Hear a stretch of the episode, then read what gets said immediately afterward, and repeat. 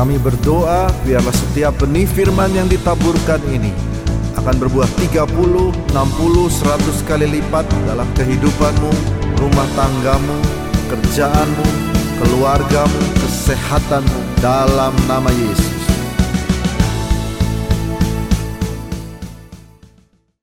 Bapak Ibu Saudara-saudari sekalian yang saya kasihi, tadi pagi waktu saya bangun tidur, saya membaca satu renungan pagi dari teman saya. Dan saya terkesan sekali dengan judulnya yang begitu bagus. Judulnya ada, suara saya terdengar sampai belakang? Terdengar ya. Judulnya adalah Use Today Wisely. Gunakan hari ini secara bijaksana. Kenapa saya katakan demikian? Karena banyak orang pada hari ini yang sering kali menyia-nyiakan hari-hari hidupnya. Tanpa kita sadari, fokus kita sering salah dalam hidup ini. Apalagi di tengah-tengah masalah yang begitu banyak, sering kali kita tidak fokus kepada apa yang seharusnya kita fokus. Fokus kita sering kali justru pada masalah. Fokus kita justru sering kali pada kesulitan. Fokus kita sering kali pada perubahan-perubahan yang yang membuat kita sering kali cemas dan takut.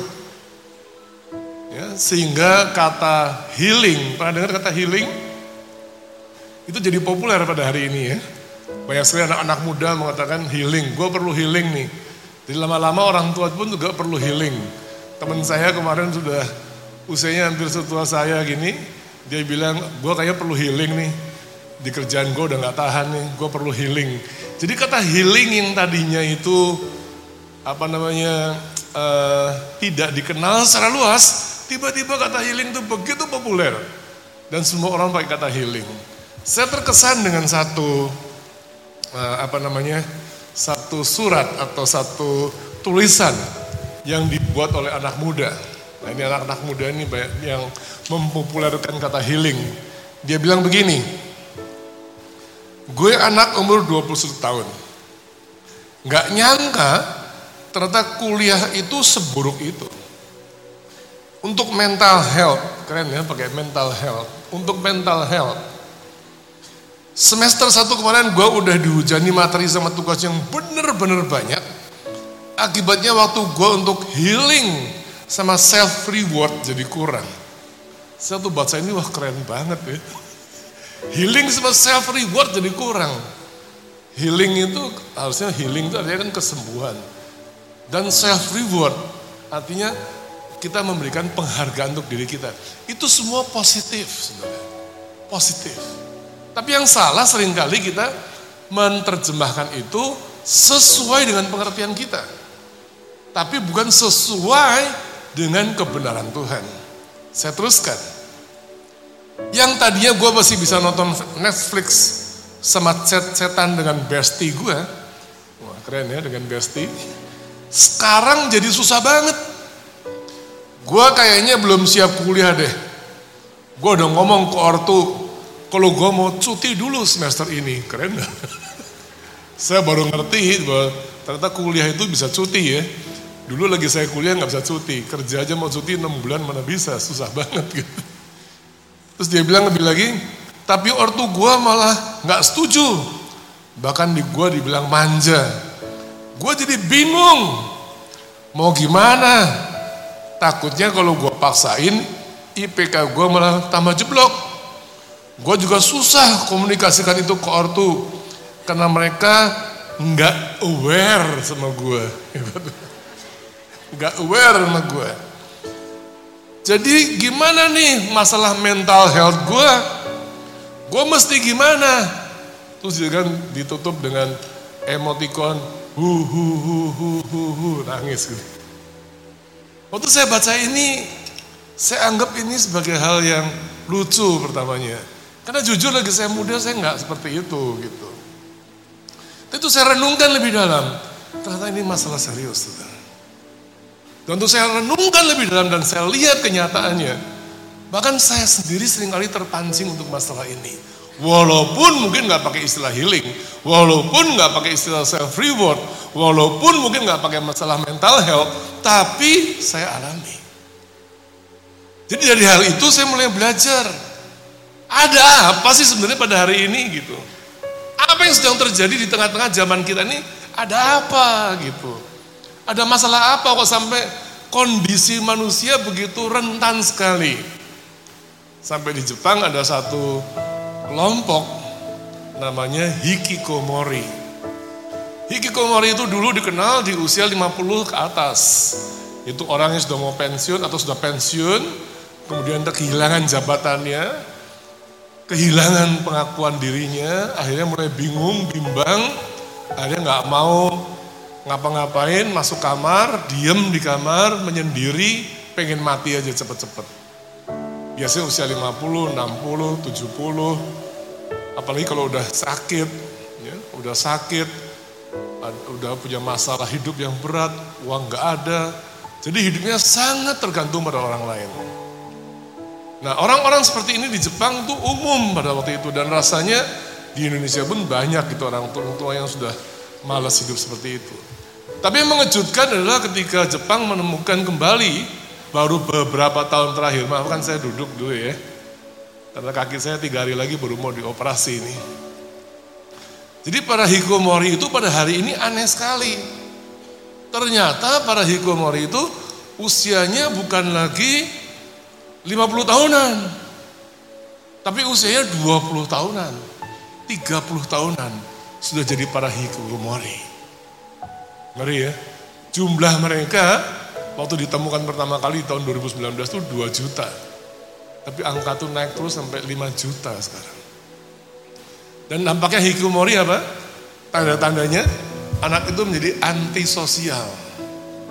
Mulai masuk ke kamar, main komputer sendiri, nonton TV sendiri, nggak mau ketemu orang, sibuk sendiri di kamar, makan di kamar, nggak orang lain liburan ke mana dia di kamar dia diem aja, dan dia merasa itu healingnya dia di situ. Kalau diganggu dia nggak suka, kalau sakit ya dia juga kayaknya nggak mau ditolong, dan pelan-pelan ternyata mereka akhirnya mengambil keputusan yang mengerikan bunuh diri. Sehingga angka bunuh diri di Jepang, di Korea itu turun dari tadi usia 50-60 turun sampai usianya tinggal 20-30 sudah mulai banyak yang bunuh diri. Dan angka bunuh diri di Jepang dari para hikomori itu diderita bukan oleh anak-anak putus sekolah atau orang tua yang punya hutang. Mereka justru anak-anak yang lulus sekolah dengan cum laude, anak yang pintar, Masalahnya apa? Ketika mereka di PHK atau ketika mereka tidak dapat reward dari temannya, ketika mereka tidak dihargai oleh lingkungannya. Saudara, jadi rupanya yang pada hari ini sedang terjadi adalah persaingan yang begitu keras. Persaingan yang kencang sekali. Banyak anak muda terbayang dan ingin sekali punya mimpi Makanya generasi ini disebut sebagai dream generation. Mereka mimpi pengen jadi orang kaya. Kenapa? Karena di tahun 2000-an, di tahun 2000-an atau itu banyak anak muda yang mendadak kaya. Bikin startup, bikin bisnis jadi kaya. Bikin bisnis coffee shop tiba-tiba kaya, jual makanan kaya, kaya, kaya. Di Amerika sampai keluar istilah yapis, yang profesional yang kaya raya. Para Yapis itu tahun 2000, 2000-an mereka lahirnya. Tahun 2000-an itu tuh Yapis keluar, kaya-kaya, anak-anak muda-muda kaya. Makanya di film-film kita banyak juga di sini para apa namanya youtuber-youtuber, para crazy rich, crazy rich usia muda. Banyak sekali contoh-contoh yang saya nggak sebutkan namanya di televisi yang pamer kekayaan, usia masih 30-40 tahun rumahnya udah kayak istana. Dan rasanya semua anak muda di seluruh Indonesia bahkan di seluruh dunia memimpikan seperti itu. Tapi hasilnya tidak seperti itu. Dan ternyata setelah dipelajari tahun 1900 itu boomingnya anak-anak muda mulai mengambil alih bisnis menjadi hebat. Tahun 2000 puncaknya. Terus 2010 mulai decline. Di tahun 2020 angka itu mulai makin turun. Jadi hikomori mulai makin banyak. Jadi saya mulai berpikir, apa yang harus kita lakukan? Apa yang harus kita kerjakan? Nah saya terkesan dengan apa yang dituliskan di kitab Ayub. Saya sedang mempelajari terus kitab Ayub. Menarik sekali. Ayub itu orang yang menurut saya kalau kita baca di Ayub yang pertama, orang hebat. Dituliskan di Ayub 1 ayat 1 dikatakan bahwa ada seorang laki-laki di tanah Us yang bernama Ayub. Orang itu baca sama-sama apa? Saleh. Kemudian apa? Jujur. Kemudian apa? Dan menjauhi kejahatan. Bayangkan hebat nggak kualitasnya? Dia orang yang saleh, orang yang jujur, takut akan Allah, dan menjauhi kejahatan. Terus kemudian dia kaya raya dan diberkati keluarganya pun hebat. Dikatakan di situ yang dapat tujuh anak laki-laki, tiga anak perempuan, ribuan domba, kaya raya, budaknya pun kaya raya, dan anak-anak laki, anak-anak perempuan sering membuat pesta. Dan yang hebat apa? Setiap pagi dikatakan, setiap kali apabila hari pesta telah berlalu, Ayub memanggil mereka dan menguduskan mereka. Keesokan harinya pagi-pagi bangunlah Ayub lalu mempersembahkan korban bakaran mereka sekalian sebab pikirnya mungkin mungkin anak-anakku sudah berbuat dosa dan telah mengutuki Allah di dalam hati demikianlah dilakukan Ayub saudara kalau orang dalam keadaan oke okay, sering kali kita menganggap semua oke okay. Dan tanpa disadari, kita juga nggak memikirkan apa sebenarnya yang kita butuhkan. Tapi kondisi yang begitu bagus tiba-tiba tergoncangkan. Ayub yang tadinya hidupnya begitu nyaman, hidupnya begitu indah, tiba-tiba mengalami kondisi yang begitu buruk. Buruk sekali, anak-anaknya meninggal, hartanya habis, dia kena penyakit. Saya nggak tahu sejauh mana Anda pernah mengalami dan membayangkan kondisi yang dialami oleh Ayub pada waktu itu. Saya nggak tahu, apakah saudara pernah mengalami masa di mana saya semua oke, okay, tapi tiba-tiba berubah drastis, tiba-tiba kaget loh, kenapa kerjaan jadi susah, semua habis, terus tiba-tiba kita sakit. Saya berkali-kali mengalami itu, saudara ketika saya mulai kena masalah pertama itu saya kena stroke di tahun 2018. Dan saya kaget, kenapa saya kena stroke? Nah puji Tuhan, waktu itu saya baru sadar saudara.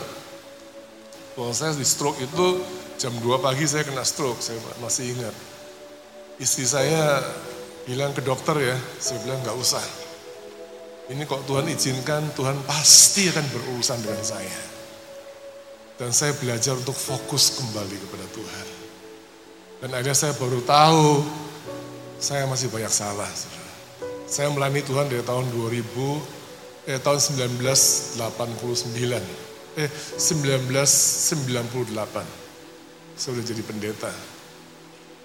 Tapi, eh sorry 1989. Saya ditabiskan jadi pendeta tahun 1990. Bayangkan segitu lamanya, saya merasa nyaman. Dan tiba-tiba saya kaget ketika saya stroke di tahun 2018. Saya kaget gitu. Dan itu saya mulai bertanya, ada apa sih ini kok masalahnya seperti ini? Kalau masalah sering terjadi, tapi semuanya teratasi dengan baik. Tapi ketika stroke itu datang, itu nggak main-main. Saudara kalau stroke itu datang, jangan minta stroke itu. Saudara. Untuk saya ngalami stroke, saya baru tahu bahwa ternyata waktu kena stroke, kita merasa useless, gak ada gunanya. Padahal saya kalau mau jujur, rasanya predikatnya sama seperti Ayub. Kalau nggak kalau nggak bilang sombong, saya orang yang saleh, saya orang jujur, disogok saya nggak mau, disuap waktu saya kerja saya juga nggak mau, saya takut akan Allah dan saya sangat menjauhi kejahatan. Saya nggak mau main perempuan, saya nggak mau berzina, saya nggak mau iri hati, saya nggak mau cemburu, saya nggak mau semuanya. Saya jaga hati saya, saya jaga hati saya. Tapi rupanya saya salah, saudara. Salahnya di mana? Saya baru tahu ketika Ayub juga mengalami hal yang sama. Nah pada hari ini, ketika dunia berubah seketika, yang tadinya nyaman-nyaman saja, kita dulu rasanya nyaman-nyaman saja. Tiba-tiba berubah seketika, kita kaget. Apa yang sedang terjadi? Makanya firman Tuhan katakan, aku akan menggoncangkan segala sesuatu yang dapat kugoncangkan. Itu betul-betul sedang Tuhan lakukan. Ini saya khotbah sampai jam berapa ya? Hah? 10 menit lagi. Oh, tinggal 15 menit lagi. Hah? Kok nggak ada? Oh, ini sama. Oh ini jamnya, bisa dipindah ke sini nggak? Nggak bisa ya? nggak kelihatan. Jadi, sampai mana tadi ngomongnya? Jadi ketika saya stroke itu saya bingung.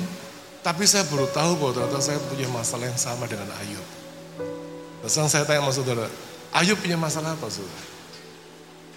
Ayub punya masalah apa? Rupanya Ayub punya dua masalah. Dan ini masalah ini saya ingin bicara baik-baik, pelan-pelan, supaya kita tangkap sama-sama.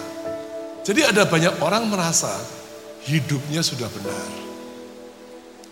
Saya merasa sudah benar, saya nggak ada masalah apa-apa. Hidup saya benar, saya jadi pendeta, saya pelayanan, saya punya jemaat. Saya waktu itu ada pekerjaan, semua diberkati Tuhan, semua lancar, bagus, tapi tiba-tiba ketika itu semua terjadi, saya kaget dan saya baru sadar ternyata saya tidak sebaik yang saya pikirkan. Jadi rupanya saya punya dua kesalahan yang seperti Ayub alami. Yang pertama kesalahan Ayub adalah dia merasa dikatakan di Ayub 3 ayat 25 dia rupanya masih ada ketakutan dan kecemasan yang menguasai hidupnya. Bayangkan orang saleh, jujur, takut akan Tuhan, menjauhi kejahatan tapi hidupnya nggak tenang. Jadi kalau gitu artinya apa saudara? Artinya semua yang dilakukan itu fokusnya bukan pada Tuhan, tapi pada siapa? Diri kita. Saudara kalau ke gereja hanya untuk dirimu sendiri, you are in trouble. Saudara puasa doa hanya untuk dirimu sendiri, kamu punya masalah. Ayub rupanya lakukan itu semuanya hanya untuk menyelamatkan dia dan keluarganya. Sehingga dia katakan apa? Dia masih karena yang ku takutkan itulah yang menimpa aku. Dan yang ku cemaskan itu yang mendatangi aku. Terus ayat selanjutnya dikatakan, Aku tidak mendapat ketenangan dan ketentraman. Aku tidak mendapat istirahat, tapi kegelisahanlah yang timbul. Ngeri ya. Jadi rupanya selama ini Ayub di luar begitu bagus, tapi di dalam keadaannya tidak sebaik yang kita bayangkan. Saudara, kemarin saya pernah mengalami satu penyakit yang namanya anxiety disorder, kecemasan. Saya jadi baru ngerti Rupanya anxiety disorder itu zaman dulu sudah ada zamannya Ayub. Waktu saya kena itu saya pergi ke mana? Ke psikiater, ke dokter jiwa. Saya kaget, saya malu loh, saya pendeta. Tapi karena kondisi sudah begitu nggak enak, saya terpaksa tanya. Waktu saya tanya, saya kaget. Setelah. Dia bilang, Pak, Bapak nggak sendirian. Banyak pendeta ngalami seperti ini. Bahkan kemarin saya dapatkan saya seminar 80% peserta seminar pendeta semua selesai minta konseling sama saya. Nah kemudian penyakit kecemasan dan ketakutan dan ini, kegelisahan ini, itu rupanya menghantui hari ini banyak orang. Sehingga ketika kata healing dilepaskan, semua langsung nyamber. Gua juga butuh healing. Tapi sayangnya healingnya cuma ke puncak, ke Singapura, ke Gunung Fuji, ke mana main foto-foto di tempat luar bangga dipuji-puji oleh temannya dan healingnya langsung wah gue kayaknya sudah healing. Mental health gue sudah mulai sempurna. Salah. Saya serius ngalami itu. Jadi ketika saya ngalami stroke saya baru sadar. Ternyata yang aku tuh masih cemas. Aku masih takut. Dan itu nggak pernah saya ngomongin. Jadi selama ini saya pelayanan seperti orang apa ya seperti udah gila-gilaan lah. Sampai ketika saya kena stroke, saya minta ampun sama anak saya. Saya minta ampun sama istri saya kembali. Tiga-tiga anak saya bilang, papi nggak ada masalah apa-apa. Papi nggak ada masalah apa-apa. Papi baik banget orangnya. Tapi satu-satu tuh saya ketemu tiga anak saya. Saya berlutut depan dia, saya pegang tangannya, tolong kasih tahu papi salahnya apa. Tahu nggak apa yang dia bilang? Tiga-tiganya loh sendiri-sendiri dia ngomong apa. Saya iri sama jemaat. Ini tahun 2018 tuh. Jemaat kalau telepon, papi pasti layanin. Jemaat minta konseling, papi pasti datang. Tapi kalau kami butuh papi, papi nggak ada. Nggak heran generasi ini disebut sebagai fatherless generation. Nanti kapan-kapan kalau mau anak muda kumpul, saya mau cerita mengenai fatherless generation. Hikikomori tadi itu ngeri banget. Ngeri. Makanya kenapa banyak anak muda masuk dalam dosa tapi dia nggak sadar. Dia mengalami spirit of familiarity. Artinya sebenarnya you are in trouble, kamu punya masalah, tapi kamu nggak ngerti. Semua pergi ke gereja pun jadi terbiasa. Ketika mendengar khotbah terbiasa, pulang masalahmu tetap ada. Kamu hanya mendengar dan tidak pernah berubah. Jadi masalahnya rupanya Ayub juga sama. Akhirnya dia akui dia yang kedua. Dia mengakui Salah yang pertama dia masih hidup dalam kecemasan, ketakutan, tapi nggak pernah terbuka sama orang. Dia nggak pernah terbuka sama manusia. Saya khotbah seperti ini di banyak gereja, dan suatu banyak orang menghubungi saya lewat Instagram, lewat mana, pastor tolong saya, boleh nggak saya ketemu, saya pengen cerita sama pastor, saya punya banyak masalah yang saya nggak bisa keluarkan kepada siapa-siapa. Masalahnya yang satu, kita kehilangan trust, kita kehilangan kepercayaan. Kita sudah nggak lagi percaya sama manusia, kita nggak percaya lagi sama Tuhan. Jadi kita butuh orang yang mau dengar. Tapi orang yang mau dengar takutnya nanti dia gosipin. Jadi ember ke mana-mana ngomong semua ember bocor semua diomongin digosipin. Dan kita merasa tambah susah hidupnya. Saudara ini serius. Waktu saya nggak banyak tinggal 12 menit lagi. Tapi kesalahan Ayub yang kedua ini sangat serius sekali. Saya baru tahu kenapa Ayub mengalami yang pertama. Rupa yang kedua dikatakan, tolong ini ditayangkan ya. Ayub 42 ayat 2 sampai 6. Saya bacakan, aku tahu bahwa engkau sanggup melakukan segala sesuatu dan tidak ada rencanamu yang gagal. Jadi pada akhirnya setelah Ayub melakukan semuanya dan dia akhirnya ngalamin kesulitan, dia udah begitu baik, udah ngalamin kesulitan. Dan teman-temannya datang. Masih dengar nggak teman-temannya ngasih nasihat? Tahu kan? Pernah baca ayatnya? Satu, saudara kalau punya masalah, nggak usah diminta teman-temanmu pasti datang. Kamu kurang ke gereja sih, kamu kurang doa, Perpuluhan kamu gimana? Belum kan? Kamu nggak pernah ngasih persembahan. Kamu nggak pernah berbuat baik. Kamu pasti masih sakit hati ya sama si Anu ya. Kita dituduh terus. Padahal kita nggak seperti itu. Atau kita nggak merasa seperti itu. Karena yang kita butuhkan sebenarnya bukan itu. Yang kita butuhkan hanya satu. Semua manusia di dunia pada hari ini butuh satu. Tenang. Kita hanya butuh tenang. Kita hanya butuh ketenangan, damai, sejahtera itu yang kita perlukan. Tapi sayangnya kita datangnya kepada hal-hal lain yang kita pikir itu mendatangkan ketenangan, tapi ternyata tidak. Jadi akibatnya kita mendapatkan ketenangan yang palsu. Mendapatkan damai sejahtera yang palsu. Kita menghibur dengan hiburan-hiburan palsu yang pada akhirnya tidak pernah membawa hasil yang baik. Ayub rupanya baru sadar. Jadi Kemudian dia katakan lagi di ayat yang ketiga, firmanmu, siapakah dia yang menyelubungi keputusan tanpa pengetahuan? Jadi Tuhan tanya, siapa yang menutupi keputusanku tapi nggak ngerti masalahnya apa? Banyak kali kalau kita dengar firman Tuhan kita suka bilang gini, iya Tuhan bener lah itu buat orang lain, itu bukan buat saya, saya beda kasusnya.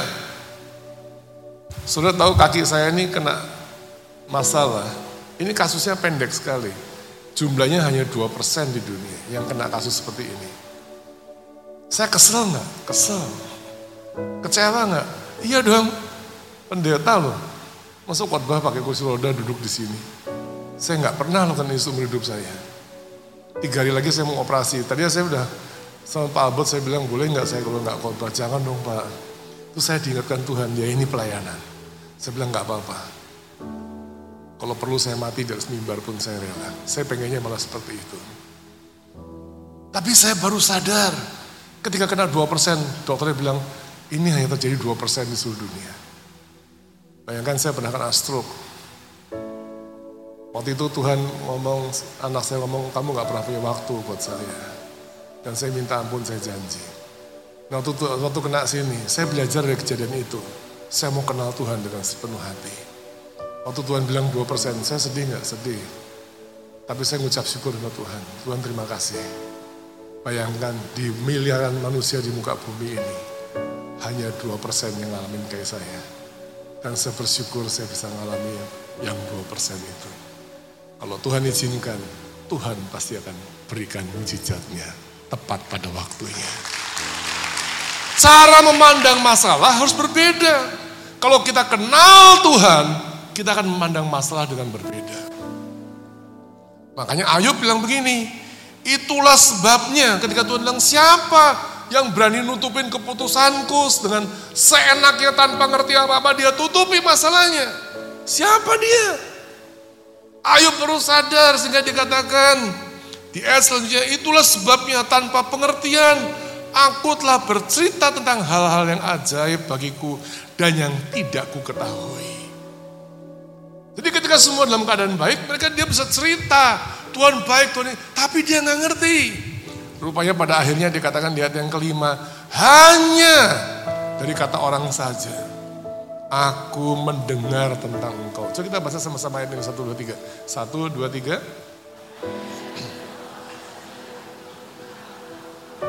Tetapi memandang engkau. Saudara hati-hati saya kasih tahu.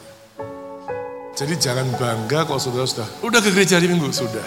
Sudah ikut dua malam, sudah. Sudah puasa, sudah. Kalau Anda nggak pernah mengalami secara pribadi Tuhan, maka you are in trouble.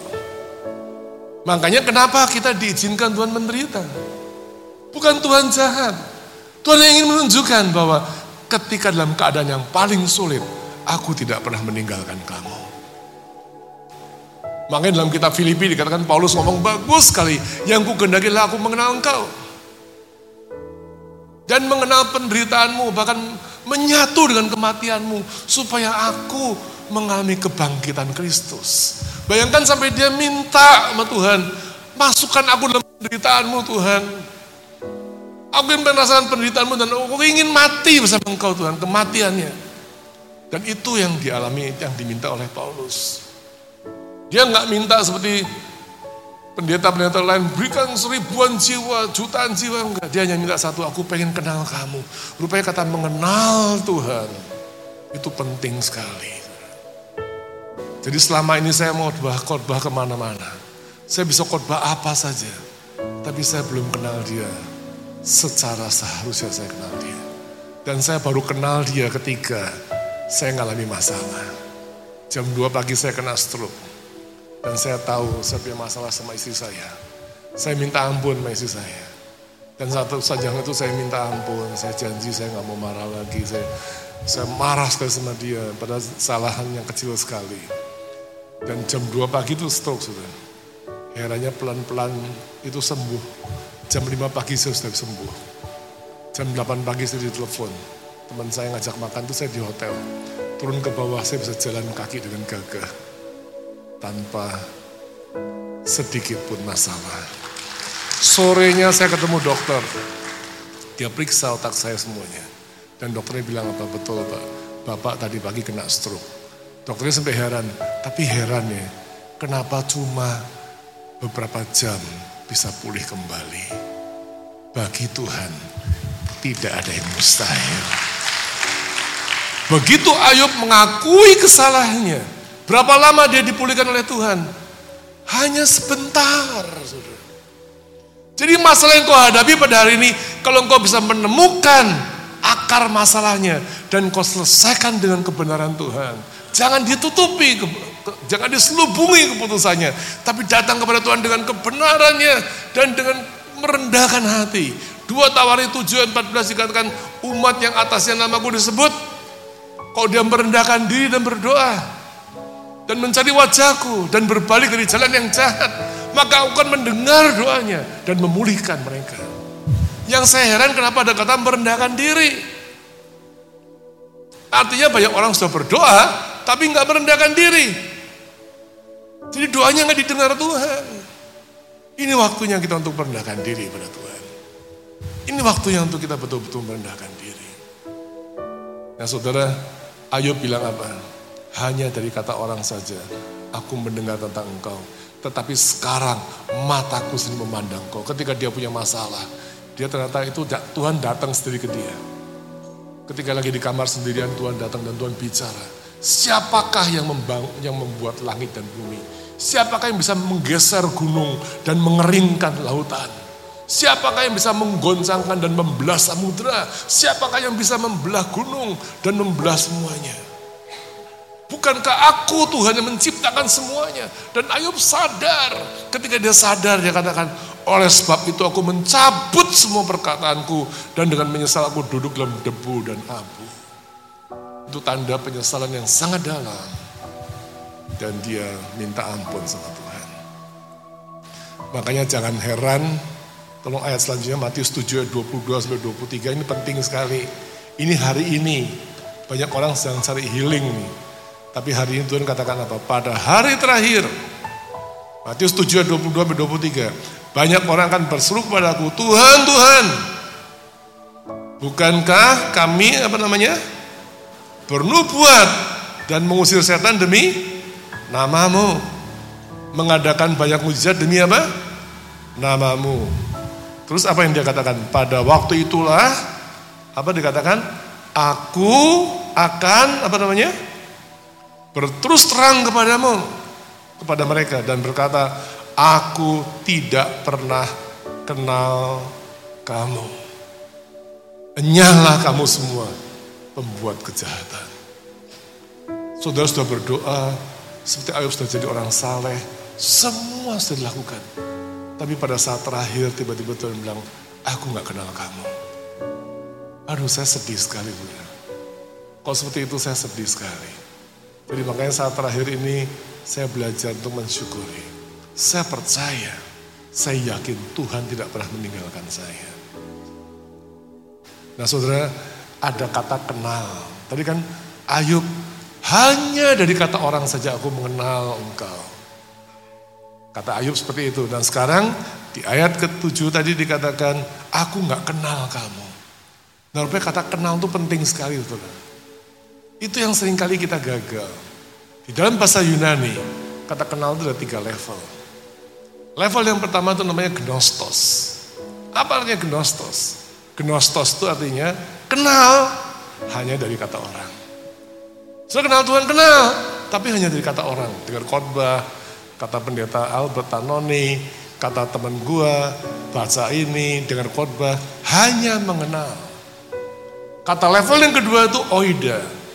Kenalnya kenapa? Karena mempelajari. Tadi Tuhan tegur Ayub dikatakan, siapa yang menyelubungi perkataanku tanpa mengerti. Itu kira-kira menyelubungi perkataanku tanpa oida. Kita harusnya belajar mengenai firman Tuhan. Renungkan firman Tuhan siang dan malam. Sampai itu menjadi daging dan roh kita. Tapi itu belum cukup. Yang kata Tuhan, aku tidak mengenal kamu. Itu digunakan kata kata asli yang digunakan kata eknon dalam bahasa Yunani yang artinya ginosko. Ginosko is the highest level of mengenal Tuhan. Ginosko itu mengenal karena pengalaman pribadi. Saya baru ngerti, saya baru sadar bahwa Tuhan itu real, kasih itu nyata. Dia nggak pernah mempermainkan kita. Hari ini saya khusus mau berdoa bagi saudara yang sedang punya masalah. Saudara yang punya kesulitan dalam hidup ini. Saudara merasa sudah betul-betul serius. Tapi rasanya kita nggak ngerti kenapa nggak pernah dijawab doa kita. Ketika masa pandemi kemarin berada, tiga anak saya punya masalah ekonomi semuanya. Saya pun juga demikian. Kondisi begitu susah. Ada banyak orang mengalami kesulitan. Nah saya baru sadar di tengah-tengah kondisi seperti itu, Tuhan ternyata nggak pernah ninggalin kami. Herannya ketika pandemi itu datang, tiga tahun itu pandemi datang, Tuhan bisa memelihara kami semuanya. Padahal keadaan lagi susah sekali. Keluar rumah susah, semua bisnis mati, pelayanan juga berhenti, semua berhenti. Tapi Tuhan tidak pernah meninggalkan kami. Tuhan nggak pernah meninggalkan kita. Kalau Anda bisa survive sampai hari ini sadari bahwa Tuhan itu ada dan dia sayang sama kita semuanya. Jadi saya ingin sekali coba belajar untuk kembali merenungkan bahwa Tuhan itu nyata. Kasihnya itu nyata bagi kita semuanya. Letakkan tangan widadamu kalau fokus pada hari ini hanya pada dirimu sendiri. Katakan Tuhan saya mau fokus pada engkau. Aku nggak mau kenal engkau hanya dari kata orang. Tapi aku mau kenal engkau secara pribadi. Mengenal engkau secara ginosko.